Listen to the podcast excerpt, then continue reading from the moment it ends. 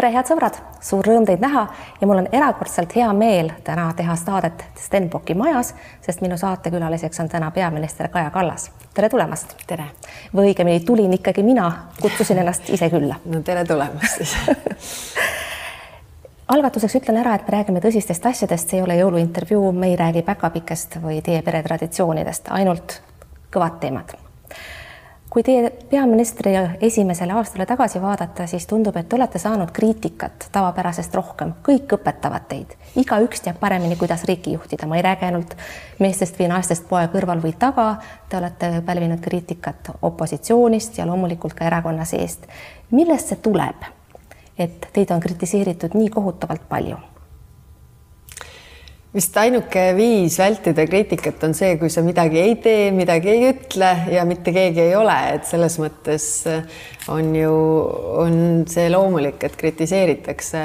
võib-olla, võib-olla on ootused ka olnud erakordselt kõrged, et valitsusvahetused, siis pandeemia saab otsa, aga paraku pandeemia ei saa otsa ja neid väljakutseid on veel ja veel ja neid laineid tuleb veel. lisaks on tulnud veel ka äh, täiendavad kriisid, ähm, siis noh, ma usun, et see frustratsioon kõik kuhugi on ka kanaliseeritud ja, ja noh, jah, mina olen olnud ka see piksevarras siis mõnes mõttes.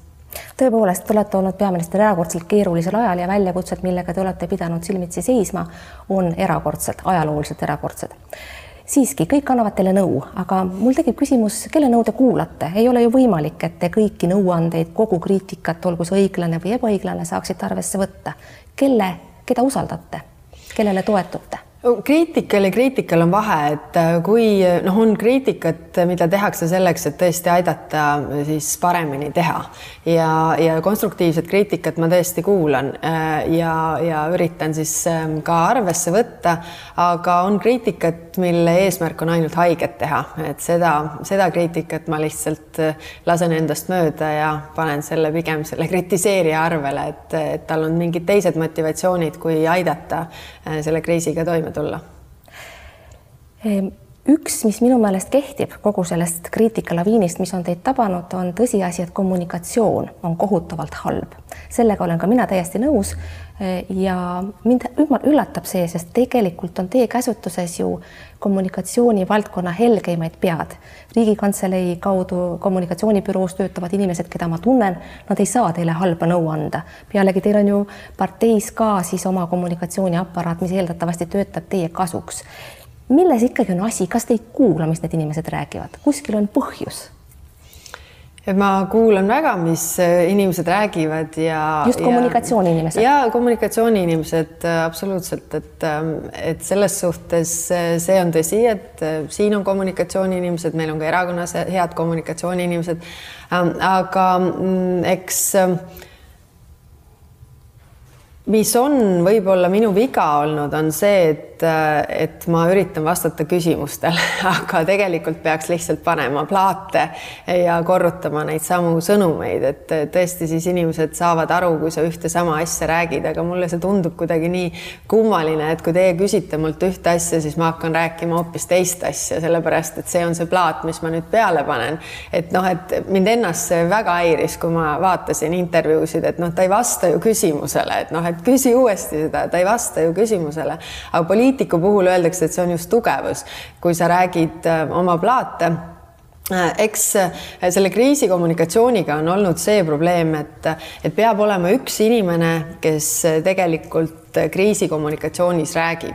aga tervisekriisis on meil, meil on Teadusnõukoda, meil on Terviseamet, meil tegelikult ka ajakirjanikud küsivad nende käest ja tekibki kakofoonia ka erinevate äh, sõnumite vahel ja seda ohjata on kõike väga keeruline, sellepärast et meil on ka arvamusvabadus, meil on sõnavabadus, et kellegi suud sa kinni ei pane, et tegelikult sa ei saa öelda, et nüüd räägib ainult üks inimene, kui ikkagi inimesed tahavad ka ise midagi arvata.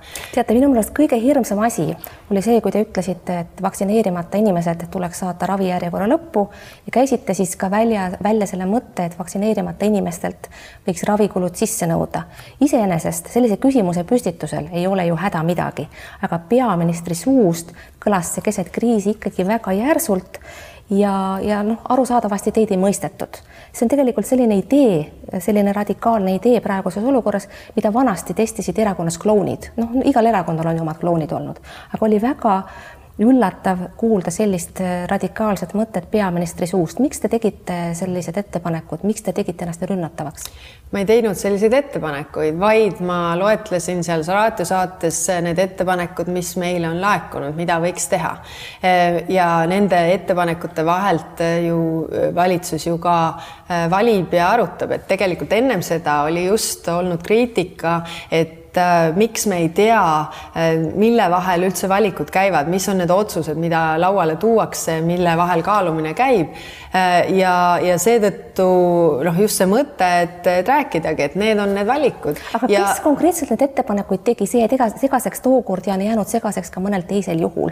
näiteks teil on kombeks viidata käitumisteadlastele, aga avalikkus ei tea, keda te tegelikult mõtlete. kes oli konkreetselt nende ettepanekute taga vaktsineerimata inimestega seoses? Need on äh, siin Riigikantseleis, kui me arutame, meil on oma äh, kriisi äh, lahendamise üksus ja, ja nemad koguvad neid ettepanekuid kokku, mis ühes või teises kohas on läbi käinud ja, ja toovad nad siis kokku ühte, ühte kohta. aga kas me ikkagi saaksime seda autorit täpsustada? aga sellepärast, et seal ei ole ühte autorit, vaid seal on autorite kogum ja, ja jällegi see ei ole ju kuidagi äh, nende inimeste autorsus ei ole ju äh, Äh, oluline, sest et kõik sellised mõtted käivad ka läbi igal pool mujal maailmas, vaid ikka... nad koguvad need mõtted kokku ja otsused teeb ikkagi kokkuvõttes valitsus. nüüd tulles, tulles selle juurde, siis, siis endiselt ma tean, et need arutelud käivad, et kui, kui meil on plaanilise ravi piiramine, plaanilise ravi piiramine on sellepärast, et haiglad on täis vaktsineerimata inimesi, näiteks praegu ka ähm, alles eelmine nädal ähm, kaheksakümmend neli protsenti hospitaliseeritud vaktsineeritutest on vaktsineerimata. ehk siis, kui meil haiglad on täis neid inimesi, kelle tõttu plaanilist ravi peab piirama, siis kui plaanilist ravi peab piirama ja näiteks teie olete selle plaanilise operatsiooni järjekorras äh, ja siis on ju loogiline, et äh, ennem teenindatakse teisi ja, ja need, kes ei ole vaktsineeritud, liiguvad sinna järjekorra lõppu. ehk siis tegelikult te seda ideed ju iseenesest toetate ja seda ma ka siinkohal ei vaidlusta, millele ma viitasin, oli lihtsalt selline negatiivne vastukaja, mis sääraste, säärastele väidetele peaministri suust on, on loomulik. teine asi siin on see, et äh, solidaarne ravikindlustussüsteem sellisena, nagu ta meil kehtib, ongi praegu löögi all, kuid tegelikult sisulist arutelu selle üle ei ole toimunud. kuidas peaks teie hinnangul seda süsteemi reformima, et ta suudaks vastu pidada praeguses ja ka mõnes järgmises kriisis, mis väidetavasti on vältimatu?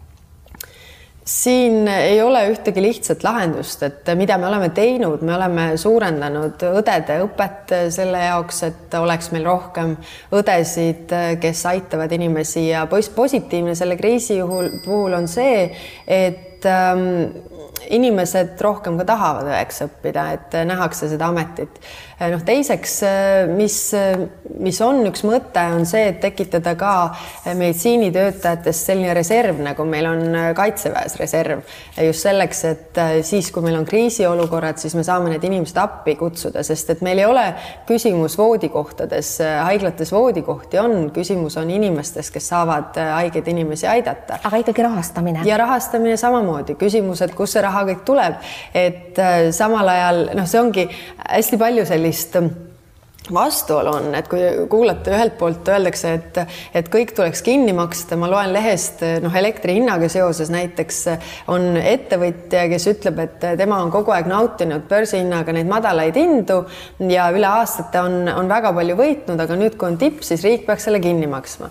ja, ja noh, alati, kui sellised ideed on, et, et mõtled, et riik on keegi kuskil, riik on midagi, mis maksab kuskil maksab kinni, aga ei ole, see on maksumaksja raha, see tuleb kõigi meie taskust just. elektri hinnani me jõuame. ja me jõuame, aga ma tahan lihtsalt näidata see või öelda seda, et, et, ähm, et see mm, et ühelt poolt ei ole inimesed valmis maksma oluliselt rohkem makse kui nad praegu maksavad. Ja teiselt poolt on järjest suurem surve kõikidele nendele süsteemidele, et, et pakkuda rohkem teenust, et aidata rohkem inimesi, siis, siis me peamegi seda arutelu pidama avatult, et kui kaugele me oleme valmis minema, kus on see tasakaal, sest et kõike me ei jõua lihtsalt kinni maksta ja millist süsteemi me saa, jaksame siis pidada niimoodi, et me suudaksime tegelikult inimesi piisavalt aidata. hästi veel kriitikast rääkides, kõige tugevama kriitika osaliseks saite te oma erakonnast, Andrus Ansip, selles samas saates, milles me praegu teiega juttu räägime, eh, kritiseeris teid teravalt, valusalt ja avalikkusele, ma saan aru, ka erakonnale ja ilmselt ka valitsusele mõnevõrra ootamatult. Eh, senimaani te ei ole sisuliselt Ansipi kriitikale vastanud. Eh, kas te võiksite praegu pakkuda välja oma põhjenduse, miks ta seda tegi? ta kindlasti ei teinud seda kogemata ette planeerimata ja eeldatavasti on tal ka mõttekaaslasi jah, kui ma ennem ütlesin, et on kriitikat ja kriitikat, siis, siis tõesti osa kriitikat on sellist, mis tahavad suunata selleks, et teha paremaid otsuseid, osa on sellised, mis on suunatud sellele, et teha haiget. et ähm,. Ansip tahtis haiget teha no mulle, mulle tundus küll, aga eks seda peab tema käest küsima, et kui vaadata sisusse, siis, siis ütleme noh, palju asju, mida võib-olla tagantjärgi on alati lihtsam hinnata, aga on paljud asjad, mida ma ütlen, et vastupidi, me oleme teinud väga õigesti. noh, näiteks seesama äh, lugu sellest, et et kui meil oli äh, siis äh, see, kus Tondirabas inimesed, noored inimesed tahtsid vaktsineerida äh, ja, ja ei saanud seda, sest et meie ajasime neid vanemaid inimesi taga, et saada neid vaktsineeritud. ja ma ütlen praegu ka, et see on olnud väga õige otsus. miks? sellepärast, et lätlased tegid kõigile lahti ja tänu sellele oli neil kõige vaktsineeritum inim-, inimeste grupp oli siis noored inimesed, aga haiglasse satuvad vanad inimesed. Ja kui me võrdleme näiteks praegu äh, Covidi surmasid, Eestis on üle tuhande kaheksasaja inimese surnud, neil on ühe üle tuhande neljasaja kolme, nelja tuhande kolmesaja, et tegelikult ja, ja Lätis on üks koma üheksa miljonit inimest, Eestis on üks koma kolm. Ja, ja teine asi, see oli kaks nädalat ennem seda või oli nädal ennem seda, kui tegelikult Euroopa Ravimiamet otsustas, et seda AstraZenecat noortele ei tohiks süstida. hästi, leiate, et see oli õige otsus. kui see skandaal puhkes, siis te tegelikult ei tahtnud seda eriti kommenteerida ja oma nappides vastustes jätsite te umbes mulje, nagu oleks Ansip mingi selline uhuu-tüüp. noh, ta loomulikult ei ole seda ja te ütlesite, et helistasite talle ja, ja tema siis mäletab seda telefonikõnet hoopis teisiti. Postimehe vahendusel on ta ka viidanud, et te selles kõnes valetasite. miks? See, kusjuures see oli hästi huvitav selles mõttes, et äh, mina kommenteerisin seda nii, et, äh, et ma helistasin Andrusele ja küsisin, et, et ähm, mis äh, miks sul on halb olla. aga tema ütles, et just Ansip ütleb, et, et ma valetan sellepärast, et ma helistasin talle ja küsisin, mis su mure on. et noh, et igaüks saab hinnata, kas see on väga, kas see on nagu vale või, või on tegelikult tegemist täpselt sisuliselt sama asjaga. et aga millegipärast jah, Andrus tahab seda, seda tüli kogu aeg üleval hoida Ähm, aga, aga mina ei soovi äh, seda tüli hoida ja igalühel on õigus äh, ja tal on alati olnud võimalus mulle helistada, ähm, oma ettepanekuid teha, neid nõuandeid ma olen ka kuulanud, kui neid Andrus Ansip on... ütleb, et ta ei ole, et ei ole kuulanud ta ei ole helistanud mulle, sellepärast et äh, kolmanda laine ajal ei ole ta mulle kordagi helistanud, kirjutanud ega sõnumeid saatnud, nii et ei ole võimalik olnud tema nõuandeid kuulata, kui ta neid ei esita. et ähm, aga, aga noh, ma ei tea, las see olla no siiski on päris ilmne, et Andrus Ansipi äh, kriitika põhjus oli ikkagi või soov, selle taga on soov teid erakonna juhi koha pealt maha võtta. minu meelest praegu ei ole selles enam mingit kahtlust ehm,. ikkagi, miks? ma ei tea, küsige tema käest, Mikk. ma küsin teie käest siis, kas see õnnestub mm.? ma ei oska öelda, et ega poliitikas siis, kui tulevad erakonna esimehe valimised, siis kui tuleb teine kandidaat, ega mina ma kuidagi sellest kohast kinni ei hoia, et ega see mingi meelakkumine ei ole ja, ja mul on ka oma amet ähm, advokaadi nagu ma saan alati tagasi minna, nii et, ähm, et selles mõttes ähm, eks katsume siin selles kriisis, arvestades, et meil on tervisekriis, meil on julgeolekukriis, meil on äh, siis äh, elektri või energiakriis. Tegelikult see elu on siin päev korraga, et äh, teha õigeid asju, õigeid otsuseid ja, ja saada nendest kriisidest välja. arusaadav, ma olen kohe selle, selle Ansipi osaga lõpul, ma saan aru, sellest ei ole tore rääkida, aga me peame üks asi, mis Ansipi täitsa marru ajas, oli teie intervjuu Raimo Poomile, kus te viitasite, et kui teie peaksite ametist pudenema, siis tuleb kohe EKRE ja üsna levinud äh, narratiiv ongi seoses Reformierakonna valitsusega, et no kui see kukub, siis on EKRE kohe platsis ja kõik on palju halvem. kas ei ole Reformierakonna jaoks siiski natukene liiga madal latt olla ametis pelgalt selleks ja eelkõige selleks, et EKRE valitsusse ei pääseks või seda ei moodustaks?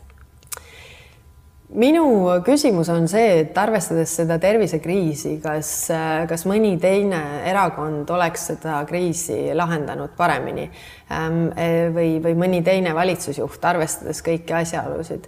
et kui, kui ma kuulan Martin Helmet, siis tema soovitab kasutada sellist lahendust nagu Indias. Indias me mäletame, olid tegelikult laipade hunnikud, millele pandi tule, tuli otsa.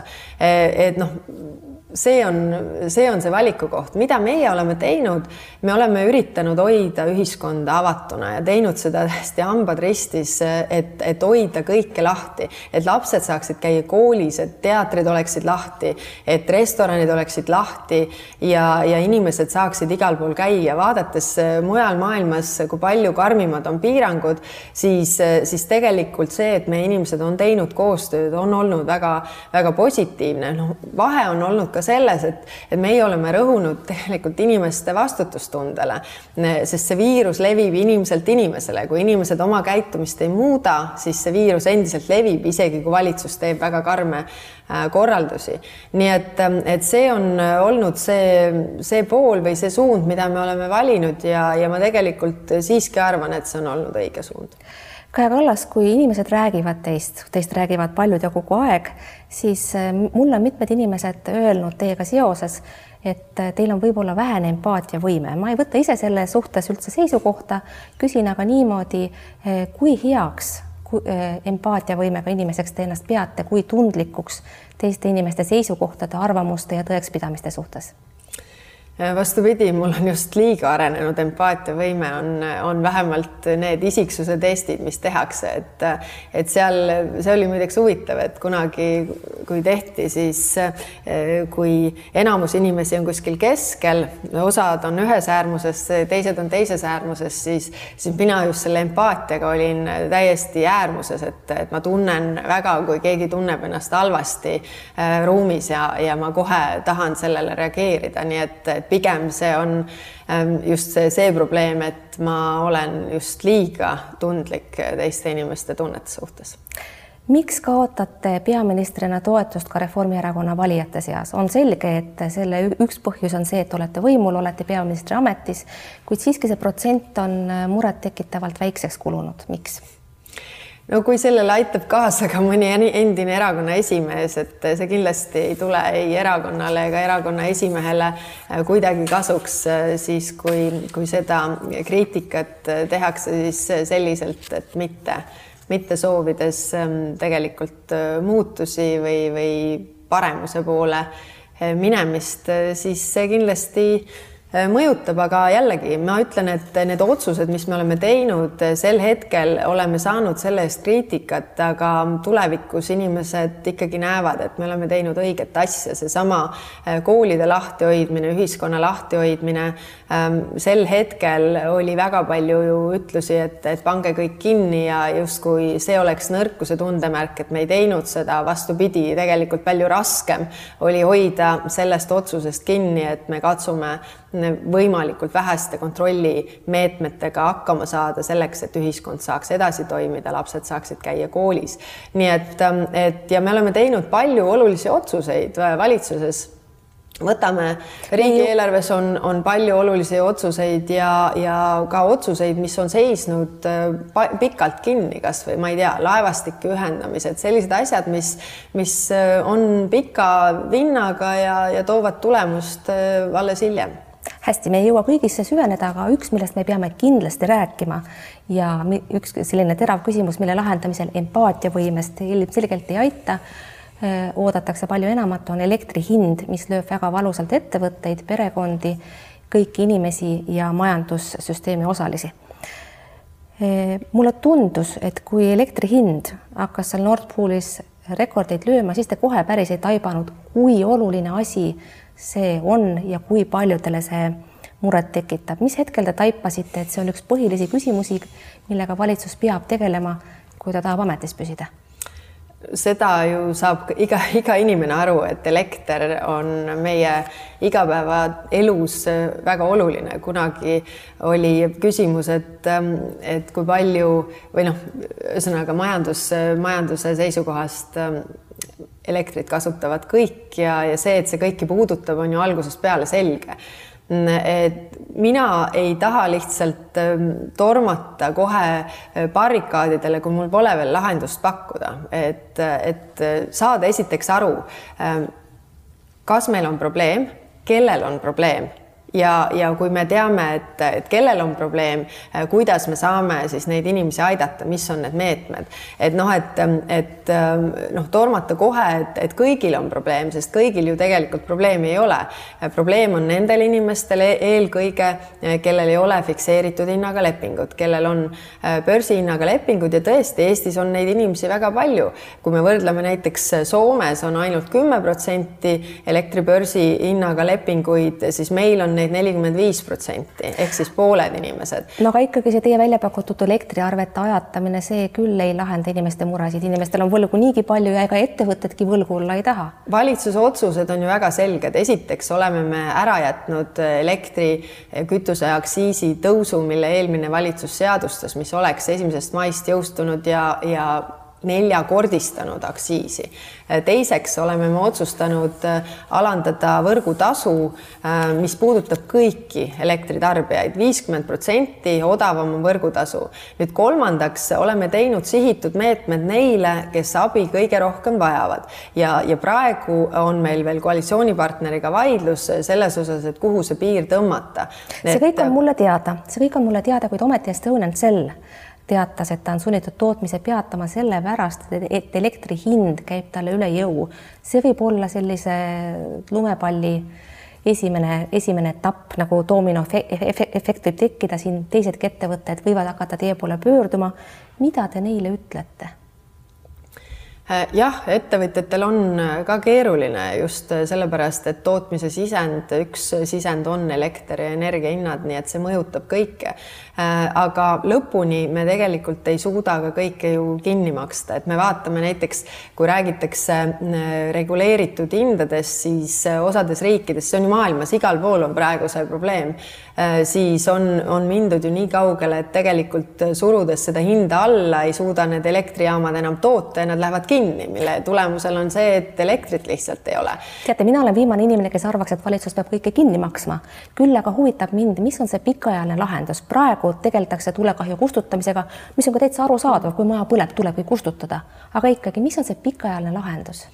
pikaajaline lahendus on, on seotud tegelikult uute tootmisvõimsustega, uute ühendustega ja, ja see on nüüd töö, mille eest mõnes mõttes mina saan jälle karistada, aga mis on tegemata siin kümme-viisteist viisteist aastat tagasi. see on täpne, muide, peatume siin korraks, kellele tuleks otsa vaadata no te teate ise väga hästi, kellele tuleks otsa vaadata ja te võiksite ise neid küsimusi küsida. Öelge teie. ei hakka mina nimesid nimetama, aga ajakirjanikud kindlasti suudavad selle välja uurida. hästi, aga see pikaajaline lahendus, mõni konkreetne? just, äh, pikaajaline lahendus, esiteks, äh, esiteks, kui me räägime tootmisvõimsustest, siis, äh, siis see, et, et me saaksime kännu tagant päris mitu sellist olulist taastuvenergia projekti, mis on pikalt seisnud ja me tegeleme sellega, siis siis teiseks on, on ka need ühendused, mis meil on teiste riikidega, kust meil on ka siis kriisi puhul ju tulnud elektrit ja, ja noh, me peame vaatama ikkagi ka inimeste ka väiketootmist just selleks, et inimesed saaksid ennast ka ise aidata. kui me räägime siis väiketootmisest siis oma majade juures, et kuidas ka energiasäästu, jah, ja kuidas ka energiasäästu paremini korraldada. apesta vez al peso.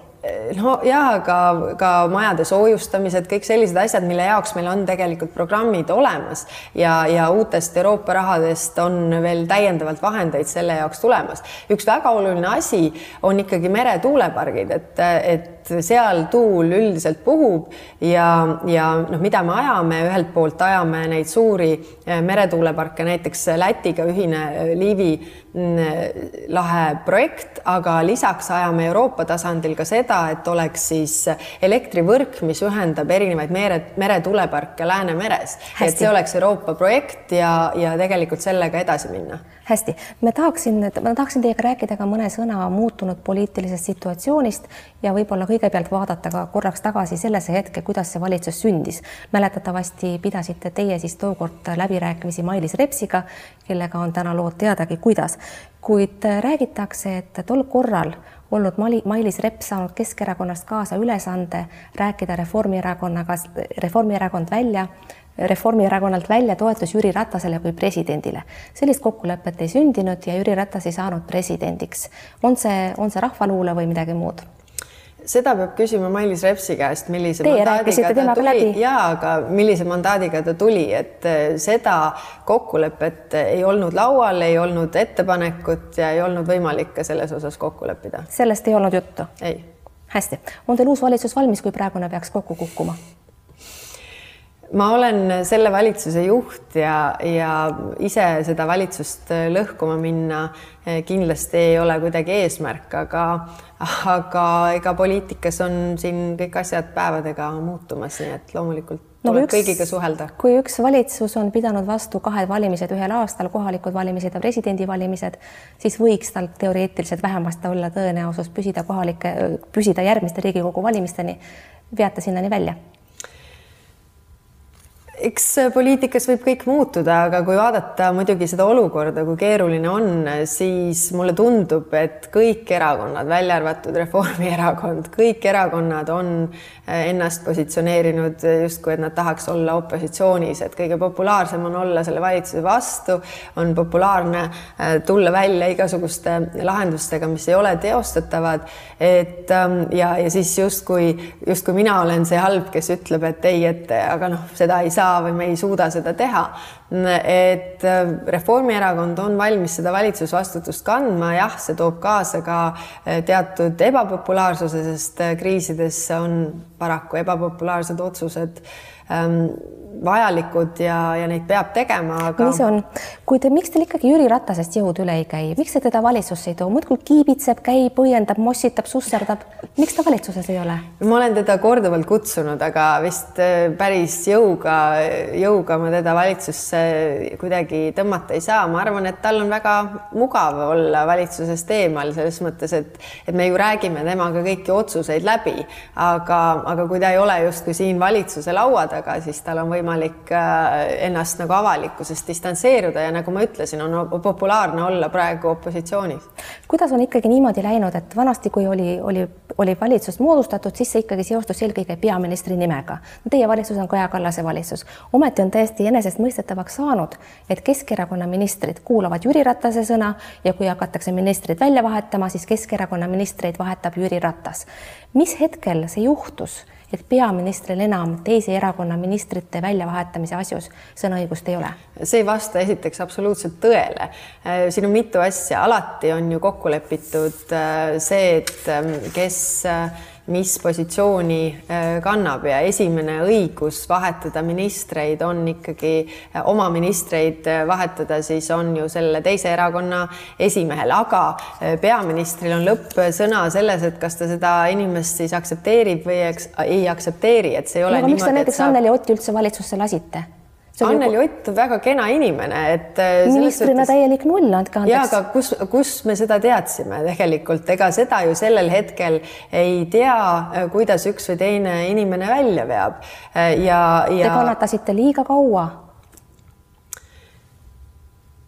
vaktsineerimata no, minister valitsuses? see liiga kaua nüüd on jälle küsimus äh, hinnangutes, et, et äh, üks, üks pool on see, kuidas Anneli Ott oma tööde tegemistega hakkama sai. Ja, ja teine pool on tõesti see tema käitumine, et, et kas nüüd liiga kaua, liiga vara, mõne jaoks liiga kiiresti, et noh, neid kriitikat on alati, ükskõik mis sa teed. hästi, Kaja Kallas, räägime lõpetuseks mõned sõnad ka Venemaast, Venemaa ja USA suhetest, mis teevad meid kõiki rahutuks. Bideni ja Putini videokohtumine, mille käigus siis lepiti kokku, et NATO suuremad liikmed ja Venemaa hakkavad omavahel asju arutama, aktiveerisid mitmed vanad hirmud, mis meil väikese Ida-Euroopa riigina on, ehk siis hirmu, et asju hakatakse taas kokku leppima üle meie pea milles ja kus peaks seisnema see garantii, et nii ei lähe? see peaks seisnema selles, et me oleme oma suurte liitlastega rääkinud, kui mul oli Emmanuel Macroniga kohtumine, siis viimane asi, mis ta küsis minult, küsis, et Kaja, ütle mulle, ütle mulle, mida, mida te kardate, et mida te päriselt kardate ja, ja ma ütlesin talle, et, et ma kardan kõige rohkem seda, et teie suured lepite kokku üle meie peade midagi, millel on meile väga valusad tagajärjed. ja, ja ta, ta lubas mulle praktiliselt käsi piibli peal, mitte päris nii, aga, aga käsi südamel, et Kaja, et, et ma luban sulle, et see nii ei ole. ja noh, mul on võimalus temaga homme kohtuda ja, ja ma kindlasti räägin nii temaga kui Mario Draghi Draagiga, et, et noh, et, et et see nii ei oleks ja nad siiani on seda öelnud, et see nii ei ole. no Prantsusmaa toetus on muidugi suurepärane ja kõikide Euroopa suurriikide toetus, see on väga hea, kui meil see on.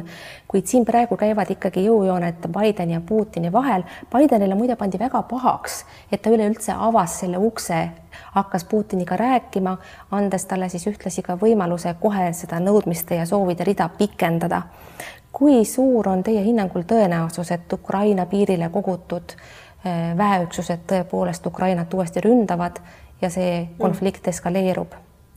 Ma esiteks tahan seda öelda, et ka mina olen kaks korda kohtunud äh, Ameerika presidendi Joe Bideniga ja viimane kord me rääkisime just ka julgeolekust ja just sellest, et, et ega nad Venemaad ei alahinda. Äh, selles suhtes see oli minu sõnum tegelikult ka temale Ähm, et ähm, et ega, et noh, Putin mängib sellist mängu, kus ta tegelikult tekitab probleemi ja siis nagu kangelaslikult üleni valges tuleb sedasama probleemi lahendama, et sinna lõksu ei tohi minna. ja, ja me oleme oma sõnumid ka ameeriklastele ja teistele liitlaste kõikide kanalite kaudu esitanud ja mulle tundub, et see on läinud kohale. nüüd tulles selle küsimuse juurde, siis äh, see on, see on selles mõttes hea küsimus, et jah, me näeme seda vägede liikumist, aga me näeme, et seal on ka teatud elemendid, elemendid puudu. Eh, nüüd, kas see on see olukord, kus tegelikult eh, Putin bluffib, eh, noh, jällegi tekitades selle olukorra, teate seda muinasjuttu, kus poiss hüüab, et hunt ja, ja, ja hunt ja hunt ja siis Pärast kõik jällegi, eks ole, külarahvas tuleb kokku, jälle kaitseb ja siis lõpuks, kui see hunt tuleb, siis kõigil on juba niimoodi, et sa oled juba mitu korda öelnud, et noh, seetõttu tuleb seda väga selgelt nagu vaata, vaadata, et kui ta bluffib, siis ka seda bluffi paljastada, et et, et võib-olla see siiski nii ei ole. ikkagi lühidalt, tuleb sõda seal või ei tule? No me teeme kõik selleks, et ei, ei tuleks sõda ja ma arvan, et ka Venemaa ei suuda seda pikka sõda kuidagi välja kanda. Et, ähm, et noh, Ukraina on suur riik ja, aga no mis nad saavad teha, nad saavad teha ikkagi Ukrainale haiget, nii nagu me oleme näinud, nagu juhtus Krimmiga, nagu juhtus Donbassiga ja, ja seetõttu noh, teistpidi jällegi alahinnata ka ei saa. aga, aga see, see tasakaal, et kui jällegi mõelda Gruusia peale, et, et ei tekiks seda, et ka Ukraina reageerib üle noh, sellele provokatsioonile, et mille pealt sõjad tekivad. mis on huvitav, ma lugesin just ühte raamatut, Mark Leonardi raamatut ähm, The Age of Unpeace, mitterahuaeg, kus ta räägib sellest, et, et meil on tegelikult sõdu vähem aga meil on konflikte rohkem kui kunagi varem. Ja need konfliktid on väiksemad, neid on tegelikult odavam korraldada, kui te mõtlete kasvõi seesama hübriidrünnak Valgevene piiri peal või, või mingid küberrünnakud, aga nad tekitavad väga palju pahandust. Ja, ja me peame selle olukorraga kuidagi toime tulema, et mis need lahendused on tegelikult vaadates neid väikseid konflikte, mida on palju hästi, Kaja Kallas, teie aeg on piiratud ja meie saateaeg samamoodi, võtame asjad kokku. Ehm, lõpetuseks tahaks küsida veel paar lühikest küsimust koroonaga seoses.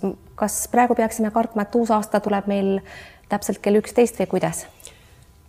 jah, see on raske küsimus selles mõttes, et täna just vaatasin koroonanumbreid ja täna nad on tõusuteel, tegelikult neljandat päeva on kerges tõusus ja, ja see tekitab jälle küsimuse, et kas neljas laine on alanud. teiselt poolt on meil tõesti aastavahetus tulemas ähm, ja aastavahetuse pidusid tahavad kõik pidada ja, ja peavadki saama kõik pidada. kuidas siis jääb? no variant on see, et me teeme otsuse, kus, kus me ütleme, et see aastavahetuse nädalavahetus, me võtame selle piirangu maha äh, just selleks, et neid aastavahetuse pidusid ikkagi äh, pidada saab, sest neid niikuinii peetakse, aga me kahjuks teie käest küsida, et tegelikult ei jää ju ükski pidu pidamata, te teate just, ju seda. just ja, ja ükski pidu jääb pidamata, aga me ei taha tegelikult ka olukorda, kus, kus see oleks justkui ähm, reeglite vastane ja teiseks äh, me peaksime siis rakendama politseid selleks, et kontrollida. ehk siis võtate maha? Äh, selleks nädalavahetuseks, mis puudutab aastavahetust, et see on ettepanek, mida hakkab äh, tegelikult arutama valitsus neljapäeval hakkab arutama, aga ikka kindlalt veel ei tea. hästi. ei no selles mõttes see ei ole ju minu individuaalne otsus ja Teadusnõukojalt ja Terviseametilt oleme me küsinud seda arvamust, me tahtsime seda otsust teha juba eelmisel nädalal, aga, aga noh, vaadates seda, mis juhtub selle omikron tüvega, mis on juhtunud teistes riikides, noh, paraku me ei saa võtta jälle seda riski, et meil lähevad haiglates asjad käest ära. arusaadav, täiesti arusaadav. Jällegi vaatajad ja lugejad on saanud esitada küsimusi ja terve Facebook on neid tulvil. mis te arvate, mis küsimus ikka jälle kordus? millal ma tagasi astun? eks ole aga ma ei küsi sellele vastust, ma küsin hoopis ühe teise küsimuse, mille ma noppisin jällegi vaatajatelt välja.